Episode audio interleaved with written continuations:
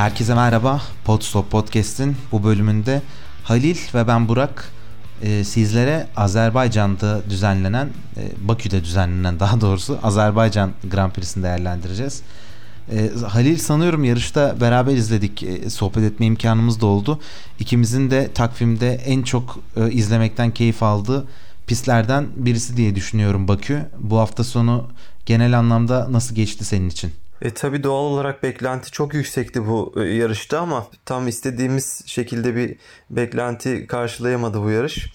E, genel olarak cadde pistlerini yapay olmasından dolayı çok şikayetçi oluruz bu konudan. Bu suniliği çok fazla istemeyiz ama e, Azerbaycan gerçekten çok farklı bir pist Bakü pisti.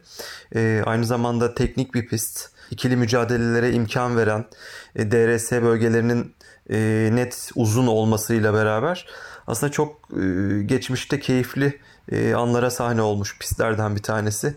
Ve bunun yanı sıra da zaten şehir dokusunun içinde e, gerçekten izlemekten çok keyif aldığımız pistlerden. E, biz çok daha sürpriz bir yarış beklerken e, Ferrari farklı sürprizler yaptı diyelim. Ama e, yine de e, Azerbaycan'da yarış izlemek her zaman güzeldir. Hafta sonuna girerken takımlarda farklı setuplarla tabii buraya geldiler. Ee, burası uzun düzlüklerinden dolayı e, gerçekten e, düzlük hızının çok kritik bir önem arz ettiği fakat birinci ve ikinci sektördeki e, orta ve düşük hızlı virajlarıyla da yere basma gücünün önemli olduğu bir pistti. E, dolayısıyla takımlar e, doğru ayarları yakalayıp en iyi sonucu elde etmek için antrenman seanslarında da ellerinden gelenini de, denediler. Ve daha sonrasında cumartesi gününe sıralama turlarına başladık. Sıralama turlarında çok etkileyici bir performans izledik. Ferrari pilotu Charles Leclerc 1.41.359 ile pole pozisyonunu elde etti. Ee, en yakın rakibi Sergio Perez'in yaklaşık 0.3 saniye e, önünde bitirerek pole pozisyonunu elde etti diyebiliriz e, genel anlamda sıralama turları yine Red Bull Ferrari arasında sıkı bir e, mücadele e, içerisinde geçti. Carlos Sainz hatta e, birinci ve ikinci haklarda takım arkadaşının önünde bulunduğu e, turlar da atmayı başardı. E, herkesin aklında e, Sainz acaba bu sefer e, o şansını kırabilecek mi? Kötü şansı kırabilecek mi? Pole pozisyonuyla e, başlayabilecek mi Ferrari kariyerinde diye düşünürken e, son haklara gelindiği zaman son turunu denerken daha henüz ilk sektör bitmeden aracın arkasını birazcık kaydırarak e, sadece ilk sektörde e, yanlış hatırlamıyorsam yarım saniye civarında bir süre kaybetti ve turunun geri kalanında o momentumunu kaybetmiş oldu. İkinci sırada Red Bull'un e, sözleşmesini yeni yenileyen ve son yarış galibi Sergio Perez vardı. E, Perez yine Max Verstappen'in önünde bitirdi e, ve ilk sırada kendine yer buldu. E, bu da ikilinin son dönemdeki birbirlerine yakın performansı dikkate alındığında oldukça etkileyiciydi diye düşünüyorum. Çünkü e, sıralama turları bittiğinde Max Verstappen e, flash röportaja geldiği zaman e, çok da keyifli görünmediğini ben gördüm ve hissettim. E, o yüzden bu anlamda da enteresan bir e, sıralama turları oldu. Bunun yanında yine orta sıralar birbirine inanılmaz yakın bir şekilde geçti. E, Mercedes, McLaren, Alpine, Alfa Tauri ve hatta Aston Martin e, bu noktada birbirlerine çok yakın olarak sıraladılar.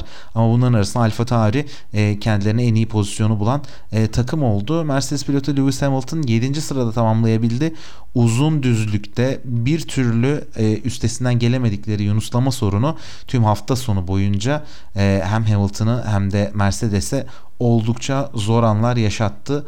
E, diyelim sıralamalardan senin başka aklında kalan bir şeyler oldu mu Halil? Yani son haftalara bakarsak Vettel ve Alonso'nun da bu yarış hafta sonunda sıralamalardaki performansı gayet iyiydi. Alonso bir şekilde e, Q3'e çıkmayı artık e, alışkanlık haline getirmişti ama Vettel'i özellikle Aston Martin'de çok fazla Q3'te görmeye alışık değildik. O da 9. sıraya e, kendisini taşıdı. Yanı sıra sen de söyledin zaten Alfa Tauri'ler bayağı hızlıydı. E, Sunoda da Gazli'nin temposuna ayak uydurdu ve o da 8. sıradan başladı.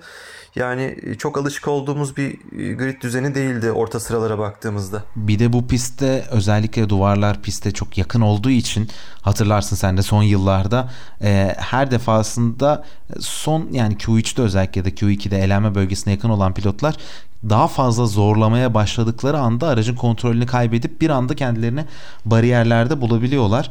E, bu anlamda da e, takımların çok dikkatli bir şekilde e, mümkün olduğunca erken piste çıkıp e, bir an önce temiz bir tur atmaya çalıştıklarını gördük.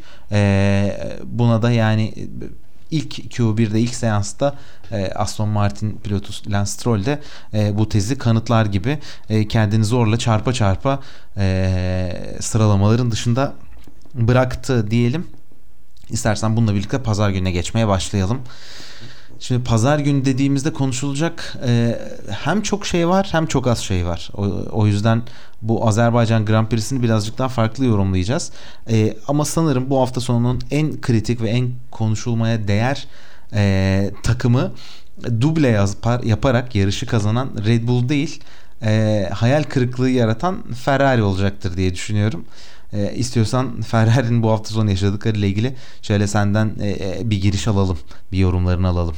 Sezon başında aslında biz e, daha çok Red Bull'la ilgili e, acaba dayanıklılık problemleri mi yaşayacaklar falan gibi soru işaretleriyle geldik. Ki yaşadılar da yani hani yakıt pompası sorunuyla yolda kaldılar.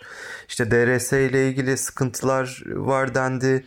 E, bir şekilde çok hızlı reaksiyon göstererek hani bu problemlerin altından üstesinden gelmeyi başardılar. Ee, şimdi de dayanıklılık problemleri son iki yarıştır. İspanya'da da burada da Ferrari'ye hedef almaya başladı. Hani e, bu noktada önemli olan bu problemleri kısa zamanda çözebilecekler mi? Çünkü yanlış hatırlamıyorsam Lökler tam bir standart e, içten yanmalı e, güç ünitesi problemiyle yolda kaldı. Hani Sainz'ınki biraz daha e, hidrolik bazlı bir problem diye okudum ben. Ama e, Lökler'in yaşadığı problem bu sezon için onların bir kabus haline dönüşebilir. E, bunu söylememizdeki bir diğer sebep de sadece iki Ferrari aracı değil Ferrari motorlu bir Alfa Romeo bir de Haas aracının yolda kalmış olması. E, tasarımsal bir problemse eğer bu e, sezona nasıl bir şekilde e, dönüş sağlar, sezonun nasıl ilerlemesini sağlar emin olamıyorum açıkçası. Böyle olmasını istemem eğer öyle bir senaryoya dönüşürse çünkü Red Bull birkaç yarışta e, farkı kopartıp gidebilir diye tahmin ediyorum. Yani Ferrari tarafından bakıldığında aslında e, cumartesi günü çok iyi biten bir e, gün pazar yarış başladığında birden terse döndü Leclerc'in yer kaybetmesiyle birlikte. E, daha sonrasında sanal güvenlik aracı ile birlikte Leclerc e, tekrardan liderliği ele geçirdi. Sonrasında dışarıda kaldı. Yani çok zikzaklı bir performans aldı e, Monakolu pilot. E, oysa ki yani bu hafta sonunda çok formda ve çok iyi bir şekilde başlamıştı. E, kariyerin 15. pole pozisyonu ve üst üste 4. pole pozisyonuydu bu. E, dolayısıyla motivasyonel anlamda e, pist üzerinde olan iyi şeyler görebilirdik.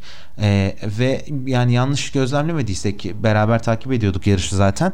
E, aslına bakarsan birazcık lastik koruyarak da başladılar. Yani sadece Leclerc değil Sainz da benzer şekilde lastik koruyarak e, başlamıştı yarışa. E, ve bu noktada doğru pit stratejileriyle birlikte kendilerine hem rakip üzerine bir atak yapabilecek fırsatı bulabilecek durumda olabilirlerdi. E, hem de yarışı kontrol altına götürebilecekleri e, fırsatlar da ellerine gelebilirdi. E, ama yani bu talihsizlik gerçekten onların peşini bırakmadı. E, ilk olarak Sainz'la başlamak lazım. Sen çok güzel özetledin yaşadığı sorunu. E, ben de şu taraftan bakmak istiyorum. Daha önceki yarışlarda gerçekten Sainz'ın e, kendi hatasından dolayı e, kaynaklanan işte e, İspanya'da olsun, Imola'da olsun e, daha ilk turlarda ciddi anlamda sıkıntı yaşadığı e, durumlarla da karşı karşıya kaldık. E, ama bu sefer e, birazcık zaten yaptığı açıklamasında da kendisi de söylüyordu.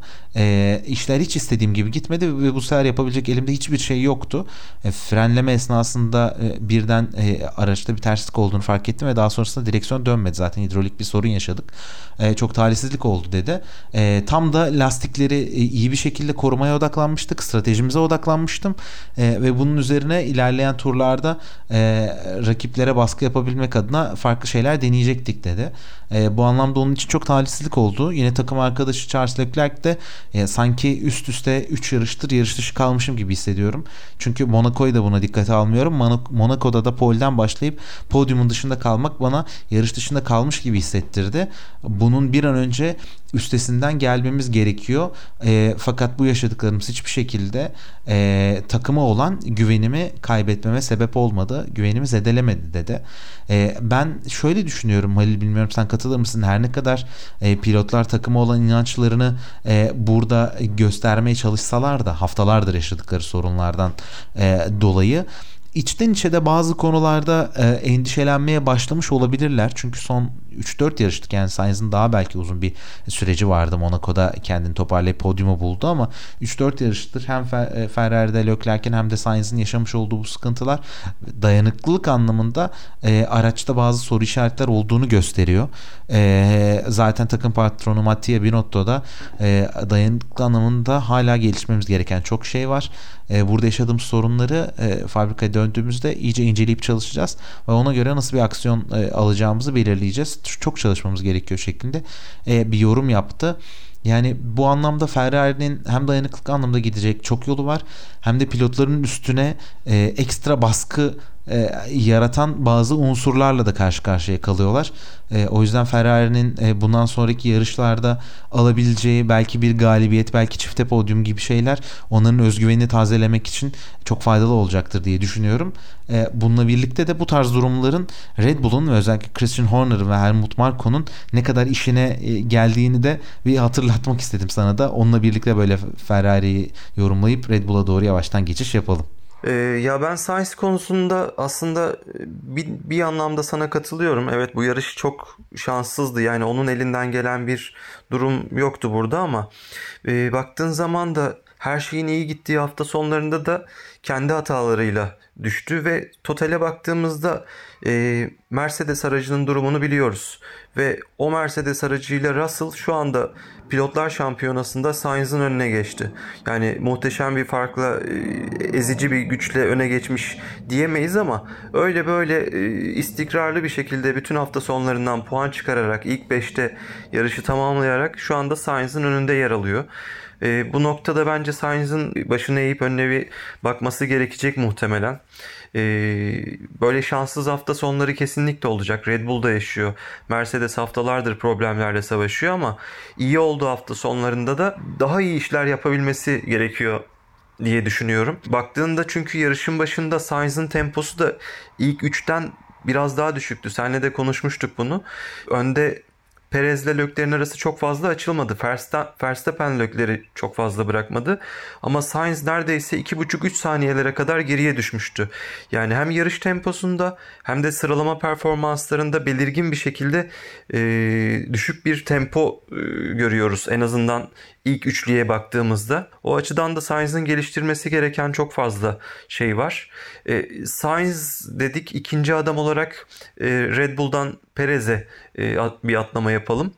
E, son iki yarışa baktığımızda gerçekten artık tamamen Red Bull'da harika bir tempo tutturduğunu söyleyebiliriz. Sıralamalarda Verstappen'i e, aratmıyor. Hatta Verstappen'in bazı noktalarda önüne geçiyor. Tabi Perez'in aracının biraz daha cumartesiye göre ayarlandığı ile ilgili bir şeyler okudum. Bilmiyorum ne kadar doğru ama yine de ne olursa olsun yarış temposuna da baktığımızda ya da Azerbaycan'da startta e, yaptığı e, hamleyle beraber kalkış reaksiyonuyla beraber Lökler'in önüne geçmesi gibi şeyler aslında Red Bull'un ya da işte Ferrari'nin herhangi bir takımın ikinci pilot olarak adlandırdığı bir pilottan tam olarak istediği şeyleri verdiğini söyleyebiliriz. Sainz'ın da hani artık ikinci yılında bir pilot olarak bu tarz şeyler yapabiliyor olması gerekirken o yani iyi olması gereken her şeyin iyi geçtiği bir hafta sonunda kendi hatalarıyla geri düşebiliyor. Ben Sainz'ı gerçekten beğeniyorum. İyi bir pilot ama işte e, son noktalarda e, hem şanssızlıklar hem de kendi pilotaj hatalarıyla e, Perez gibi bir kumaşı olmadığını gösteriyor. Belki de böyle bir soru işareti ortaya çıkıyor bilemiyorum. Sen ne düşünüyorsun Perez'le ilgili, Sainz'ın performansıyla ilgili? Burada yani sana katılıyorum. aslında Sainz bunu geçtiğimiz sene yapmıştı. Yani yapamadığı bir şey değil. yapmasın yapmasını söylediğimiz şey nedir? o da e, yani takımdaki takım arkadaşına çok yakın performans sergileyip onun iyi olmadığı dönemlerde takıma ihtiyacı olan o puanları kazandırmak ya da stratejik olarak takım için avantajlar sağlayabilmek. Ee, geçtiğimiz yıl Sainz aslında bunu yapabileceğini gösterdi ama Ferrari daha gerilerde yarıştığı için birazcık daha e, şey durumu da oldu. Yani ikisi de e, belki ayrı ayrı da olsa kendi performanslarını maksimuma çıkartabilecek bir şeyler yaptılar. Biz bu sene bence bir türlü Ferrari'den o takım oyununu hiç izleyemedik. Hiçbir yarışta belki de izleyemedik. Yani buna sezon başındaki duble yaptıkları Bahreyn'i belki dışarıda tutabiliriz ama orada da zaten e, çok özel bir fark e, dikkat çekiyordu e, Ferrari adına. E, Perez'in burada en önemli yaptığı konu ise e, bence e, takım arkadaşı ve takımın birinci pilotu Max Verstappen'e göre net bir şekilde farklı stratejiler izlemesi ve izlenilen farklı stratejilerin e, oluşabilecek koşullarda Verstappen'e e, avantaj e, sağlayacak noktada geliştiğinde Perez'in buna uyum sağlayıp e, takım için doğru performans ortaya çıkartması. E, bazı yerlerde ciddi anlamda sorun yaşayabiliyoruz. E, yani bunu hatırlarsın İspanya'da konuşmuştuk. E, Perez e, uygulanan stratejiden emin olmamıştı. Yer verip vermeme konusunda e, farklı şeyler düşünmüştü. Ama sonunda yine takımın istediği gerçekleşti. E, bu anlamda bence Perez ile Sainz'in arasındaki fark e, birazcık bu noktada belirleniyor. Ki Perez de son haftalarda arttırdığı performansını Bakü'ye de yansıttı e, burada da sanki hafta sonu Perez'e doğru dönüyormuş gibi görünüyordu. Çünkü hem antrenman seanslarında hem de sıralama turlarında e, takım arkadaşından çok daha iyi göründü. Yarışın başında da daha henüz startta Leclerc'i avlayıp liderliğe e, oturunca hani tekrardan Perez formu yakaladı ve buradan devam edecek mi diye e, herkesi düşündürdü. E, fakat Perez orta hamur lastiklerin istenilen performansını vermediğini ve daha çabuk aşındığını söyledi. Yani muhtemelen e, antrenmanlarda denedikleri yarış simülasyonuna göre e, daha çabuk bir aşınma yaşamışlar ve bu yüzden de zaten takım arkadaşından iki tur erken e, pite gelmiş oldu e, pite geldikten sonra ise e, e, lastikleri istenilen performansa ulaştırmakta zorlandığını ve bir türlü o momentumu yakalayamadığını söyledi. Bu da tabii takım arkadaşı Max Verstappen için çok da e, etkileyici bir e, durum oldu. Verstappen ondan iki tur sonra pite gelmesine rağmen e, hem yarışın daha sonrasındaki bölümleri bölümlerinde takım arkadaşından iki turluk daha taze lastiklerle pist üstünde kalmaya devam etti. Hem de e, pitten çıktıktan sonra yapmış olduğu çıkış turuyla birlikte o momentumu yakaladı e, ve hiçbir şekilde de e, bu noktada geri basmadı. Hatta hatırlarsan e, Lambiese e, Verstappen'in mühendisi e, hedef zamanlarından daha hızlı gittiğini ve birazcık daha hedef zamana yaklaşması gerektiğini söylediğinde Max Verstappen hani lastikler bir soğumaya başlarsa tekrardan performansı bulmamız mümkün olmaz. İsterseniz giderim siz daha iyi biliyorsunuz ama bence böyle yapmamalıyız diye birkaç kere e, takımı da yönlendirmiş oldu. E, takım da zaten Verstappen'in yorumlarına katıldı ve e, bu noktada da devam etti. Dolayısıyla arkadan gelerek e, arttırdığı performansıyla birlikte e, Perez de zaten kolay bir şekilde geçti. Yani takımında herhangi bir e, e, aranızda savaş çıkmasın, bir dövüş olmasın e, yorumuyla birlikte telsizden gelen bu yorumuyla birlikte e, rahat bir şekilde geçiş sundu ve Red Bull için yani belki de sezonun en rahat, en rakipsiz ve en sorunsuz dublesi gerçekleşmiş oldu. Bu şekilde Max Verstappen Bakü'de ilk kez podyuma çıktı. E, bu anlamda e, farklı bir performansı daha önce şanssızlıklardan dolayı yarış dışı kalmıştı burada ya da podyum dışında kalmıştı. E, bu sezon ilk 8 yarış dikkate alındığı zaman 5. galibiyetini elde etti. E, kariyerinin de 25. galibiyeti oldu. E, bu da Jim Clark ve Niki Lauda ile e, galibiyet sayılarını eşitlemesi anlamına geliyordu. E, sanırım baktığımızda Red Bull için oldukça etkileyici bir hafta sonu olduğunu e, söyleyebiliriz. Bu arada şey senaryosunda çok e, merak etmiyor değilim hani e, eğer Leclerc motor arızası nedeniyle yarış dışı kalmasaydı e, yanlış hatırlamıyorsam 10. turda falan 12. turda falan e, sert lastiklere geçti e, sanal güvenlik aracıyla beraber ve yaklaşık 40 tur gitmesi gerekecekti. Hani böyle bir senaryoda yarış sonunda ne gibi hamleler yapılırdı? E, Red Bull tekrar ince, e, soft lastik ya da medium lastikle geriden gelip kovalamayı mı denerdi? Çünkü bir noktada e, liderliği vermek zorundalardı. Pit stop hala yapmamışlardı. O da e, aklıma e, gelmiyor değil. E, öte yandan da mesela yarışın bir diğer parlayan yıldızı Vettel de e, aynı lastikle 40 tur gitmeyi başardı. Hani Lökler de böyle bir performansı aslında çıkarabilirdi. O da e, Aston Martin aracının e, hani e, dezavantajına rağmen bir şekilde doğru e, stratejilerle birlikte yarış sonunda yanlış hatırlamıyorsam 8. sırada bitirdi galiba değil mi? Sebastian Vettel 6. sırada bitirdi yarışı. E, sonrasında Alonso'yu da e, geçmeyi başarmıştı. Yani burada birazcık bence Bakü'de o cadde pisti olmasından dolayı e, o tecrübe de çok ön plana çıkıyor. Yani senin söylediğin stratejilerin hepsi uygulanabilirdi. Yani Fetel bunu yaptı aslına bakarsan ve e, yarışta kullandığı iki sette daha önce kullanılmış setlerdi. O da güvenlik aracı altında 9. turda ortayı çıkartıp sertlere geçti ve lastiklerini koruyarak sonuna kadar da gitmeyi başardı. E, bu bence attığı zarın ne kadar e, iyi işlediğini de aslında bir bakıma e, göstermiş oldu diye düşünüyorum ki hatırlarsan o konu geçmeye çalıştığı anda e, hafif bir blokajla birlikte kendisini pistin dışında bulmuştu ve hızlıca tekrardan piste e, geri dönmüştü. E, ben de açıkçası Leclerc'in böyle bir stratejisi olsa neler olacağını çok merak ediyorum. Ama bu noktada yarıştan alabileceğimiz tek örnek e, Yuki Tsunoda olur. Çünkü Sunoda 9. turda sert lastiklere geçti ama 38. turda e, yumuşak hamurla tekrardan piste döndü. E, buna rağmen tabii bulunduğu nokta e, nereden döndüğü, ne yaşadıkları hani dikkate alındığında aynı performansı olmayabilir ama o da puan barajının e, oralarda gezinirken e, tekrardan geriye düştü ve e, 13. sırada yarışı bitirdi. E, dolayısıyla yumuşak lastik uzun düzlükte yaşanan o e, aşınmayla birlikte belki e, çok da şey bir e, iyi bir sonuç vermeyebilirdi ama Ferrari aracıyla tabii ki de çok farklı bir durumla karşı karşıya kalabilirdik. Özellikle yüksek downforce'la ayarlı bir e, araçtan bahsedersek. E, bununla birlikte istersen e, çok kısa şuna da değinelim. Onu konuşmayı unuttuk.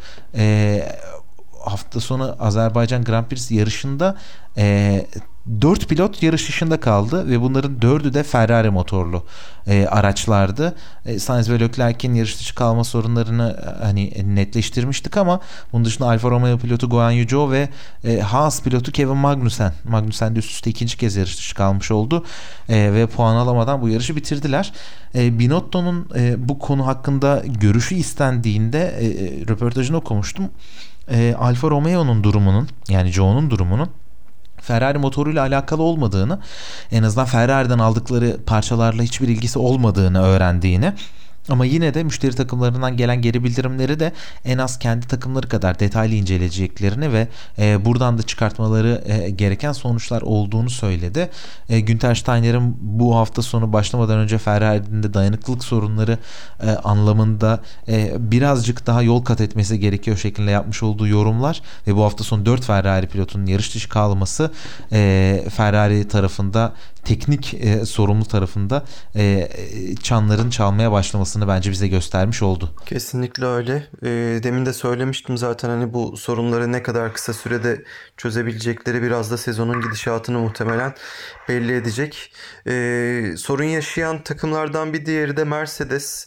Yani bu hafta sonu dalgalanma sorununu artık gözle görülebilir anlamda çok net bir şekilde e, antrenmanlardan itibaren e, gözlemlemeye başladık. Hatta yarış sonunda Hamilton bel ağrılarıyla beraber, sırt ağrılarıyla beraber araçtan zor bir şekilde çıktı. Zor bir şekilde halonun üzerine oturdu, biraz dinlendi falan.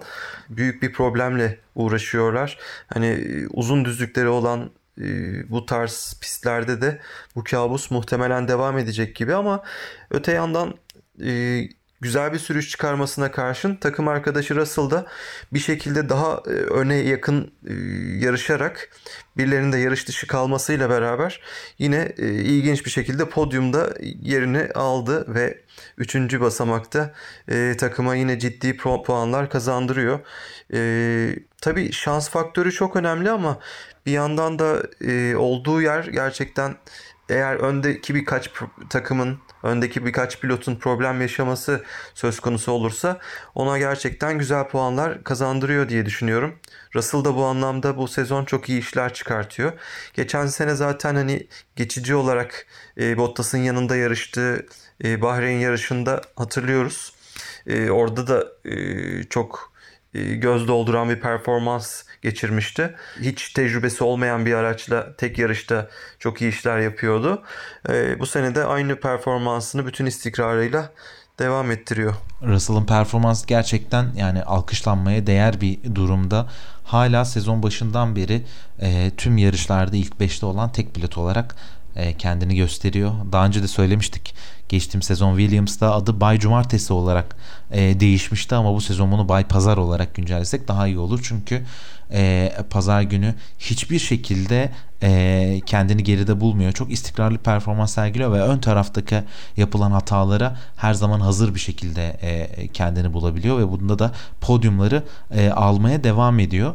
Mercedes için aslına bakarsan e, iyi bir hafta sonu oldu diyebiliriz. Orta sıra takımları arasında özellikle Alfa Tauri'den Pierre Gasly ile Hamilton'ın mücadelesini e, izliyorduk. E, bu noktada e, sonucu merak edilen bir e, durumdaydı. Fakat e, Lewis Hamilton yaşadığı onca fiziksel zorluğa rağmen elinden gelenin en iyisini yaptı ve takım arkadaşıyla birlikte 3-4 bitirdi e, Mercedes burada.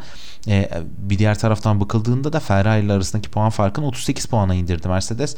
İki Ferrari'nin yarış dışı kalmış olan e, kaldığı bir hafta sonunda çok etkileyiciydi. E, senin de söylediğin gibi Yunuslama sorunu artık korkunç bir hale almış durumda ve bununla ilgili de e, yarış bittikten sonra yapılan e, yorumlar çok farklıydı.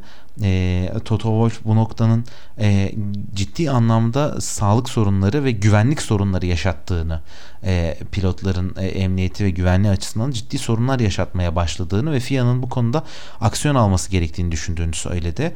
E, fakat buna Red Bull pilotu Christian Horner yani tüm takımlar bu sorunu aynı şekilde yaşamıyorlar. Herkes yaşasaydı FIA bu konuda dahil olabilirdi ama böyle bir aksiyonun bu konunun üstesinden gelen takımlara haksızlık olacağını düşünüyorum. E, Yunuslama sorunundan kaçmak istiyorlarsa araçlarını yerden daha yüksek ayarlamalılar. E, bu tabii ki de bir performans kaybına sebep oluyor ama başka türlü bir sorun çözemiyorlarsa böyle aksiyon almak durumundalar diye net bir şekilde o taraftaki kapıyı kapatma e, konusunda ilk yorumunu yaptı. E, dolayısıyla yani Mercedes her ne kadar e, geride olsa dahi sanırım Horner'ın son e, 7-8 yıldır yaşadıkları içinde çok e, önemli bir yer etmiş o rekabetinden hiçbir şey kaybetmemiş. Hiçbir şekilde yani yaklaşmalarına hem politik olarak hem de pist üstünde izin vermeyecekler gibi görünüyor. Ama yine de bu hafta sonu Mercedes'in en azından bu zorlu geçen sezonunda çok iyi hatırlı, hatırlayacakları bir hafta sonu olarak e, göze çarpıyor diyelim. E, bununla birlikte istersen çok kısa McLaren'den de bahsedelim. Yarışın sonuna doğru McLaren'lerin arasında e, epey farklı bir mücadele vardı. E, Lando Norris ve Daniel Ricciardo sürekli e, yarış mühendisleri tarafından e, anonslarla yönetilmeye çalışıldı. İşte yer değiştirme talepleri olsun, ön tarafta Alonso'ya yapılması gereken atak, sonrasında birbirlerini geçme mücadelesi. E, bu anlamda McLaren'de e, Ricciardo'nun iyi bir performansıyla biten iyi bir hafta sonu oldu. Ama Norris onun geride kaldığını, onun gerisinde kaldığını e, çok da memnun değilmiş gibi görünüyordu. Sen nasıl gördün McLaren'deki durumu? Norris gerçekten yarışın sonunda Ricardo'ya çok büyük baskı uyguladı.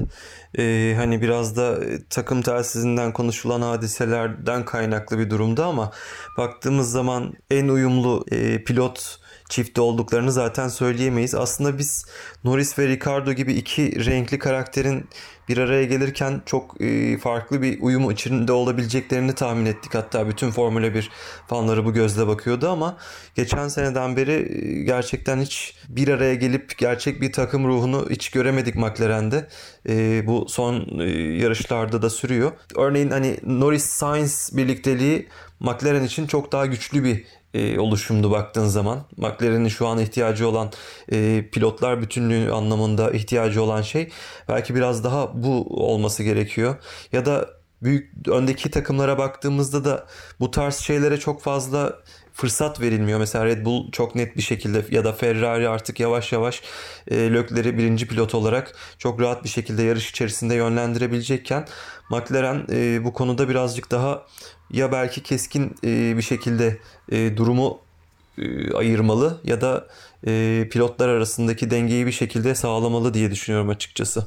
McLaren gerçekten e, bence basına yansıyan bazı konuları takım içerisinde de pilotların etkilenmesine izin vermiş gibi görünüyor. Çünkü Yani pilotlar kendi aralarında da bir türlü o iletişimi sağlayamıyorlar. Belki pist dışında çok iyi görünüyor gibi olabilirler ama e, yarış başladığında özellikle önlü arkalı ya da birbirlerine müsaade ederek takım stratejisi uygulanması gereken noktalarda çok da iyi görünmediler.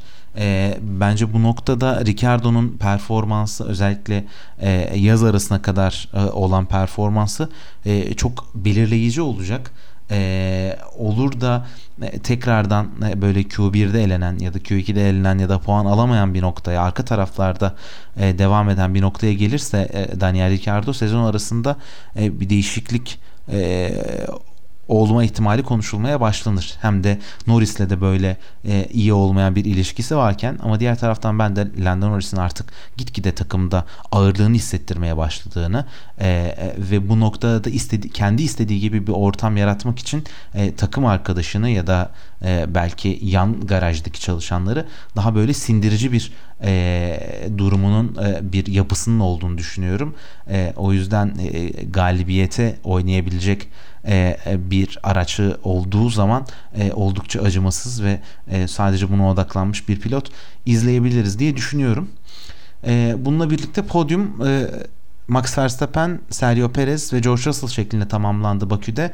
E, belki pist üzerindeki geçişler, stratejiler ve aksiyon anlamında çok büyük bir şey vaat etmedi ama e, o Bakü'nün etkileyici sokaklarında güzel manzaralar eşliğinde bir Azerbaycan Grand Prix'si izlemek e, her zaman olduğu gibi bize çok keyif verdi. E, yarış hafta sonları kaldığı yerden devam edecek. Bu hafta sonu e, uzun bir süre sonra pandemiden önce en son e, yarış yapılan Kanada'ya geri dönüş yapacağız. Montreal'de Kanada Grand Prix'si koşulacak. E, hem biz de özledik Avustralya gibi o da e, iki yıldır Formula 1 ev sahipliği yapamıyordu. Hem pilotlar da çok özlemiştir. O yüzden yine aslında e, birazcık caddi pisti diyebileceğimiz bir e, e, Kanada Grand Prix'sini keyifle takip edeceğiz ve yarış bittikten sonra da yine her zaman olduğu gibi burada sizlere yarışı değerlendirmeye çalışacağız. E, bizim yayınlarımızı e, YouTube, Spotify, Apple Podcast gibi kanallardan Podstop F1 hesabını aratarak e, dinleyebilirsiniz, e, takip edebilirsiniz ve bize abone olabilirsiniz. Önümüzdeki hafta sonu Kanada Grand Prix'sinden sonra tekrardan görüşmek üzere. Hoşçakalın. Hoşçakalın.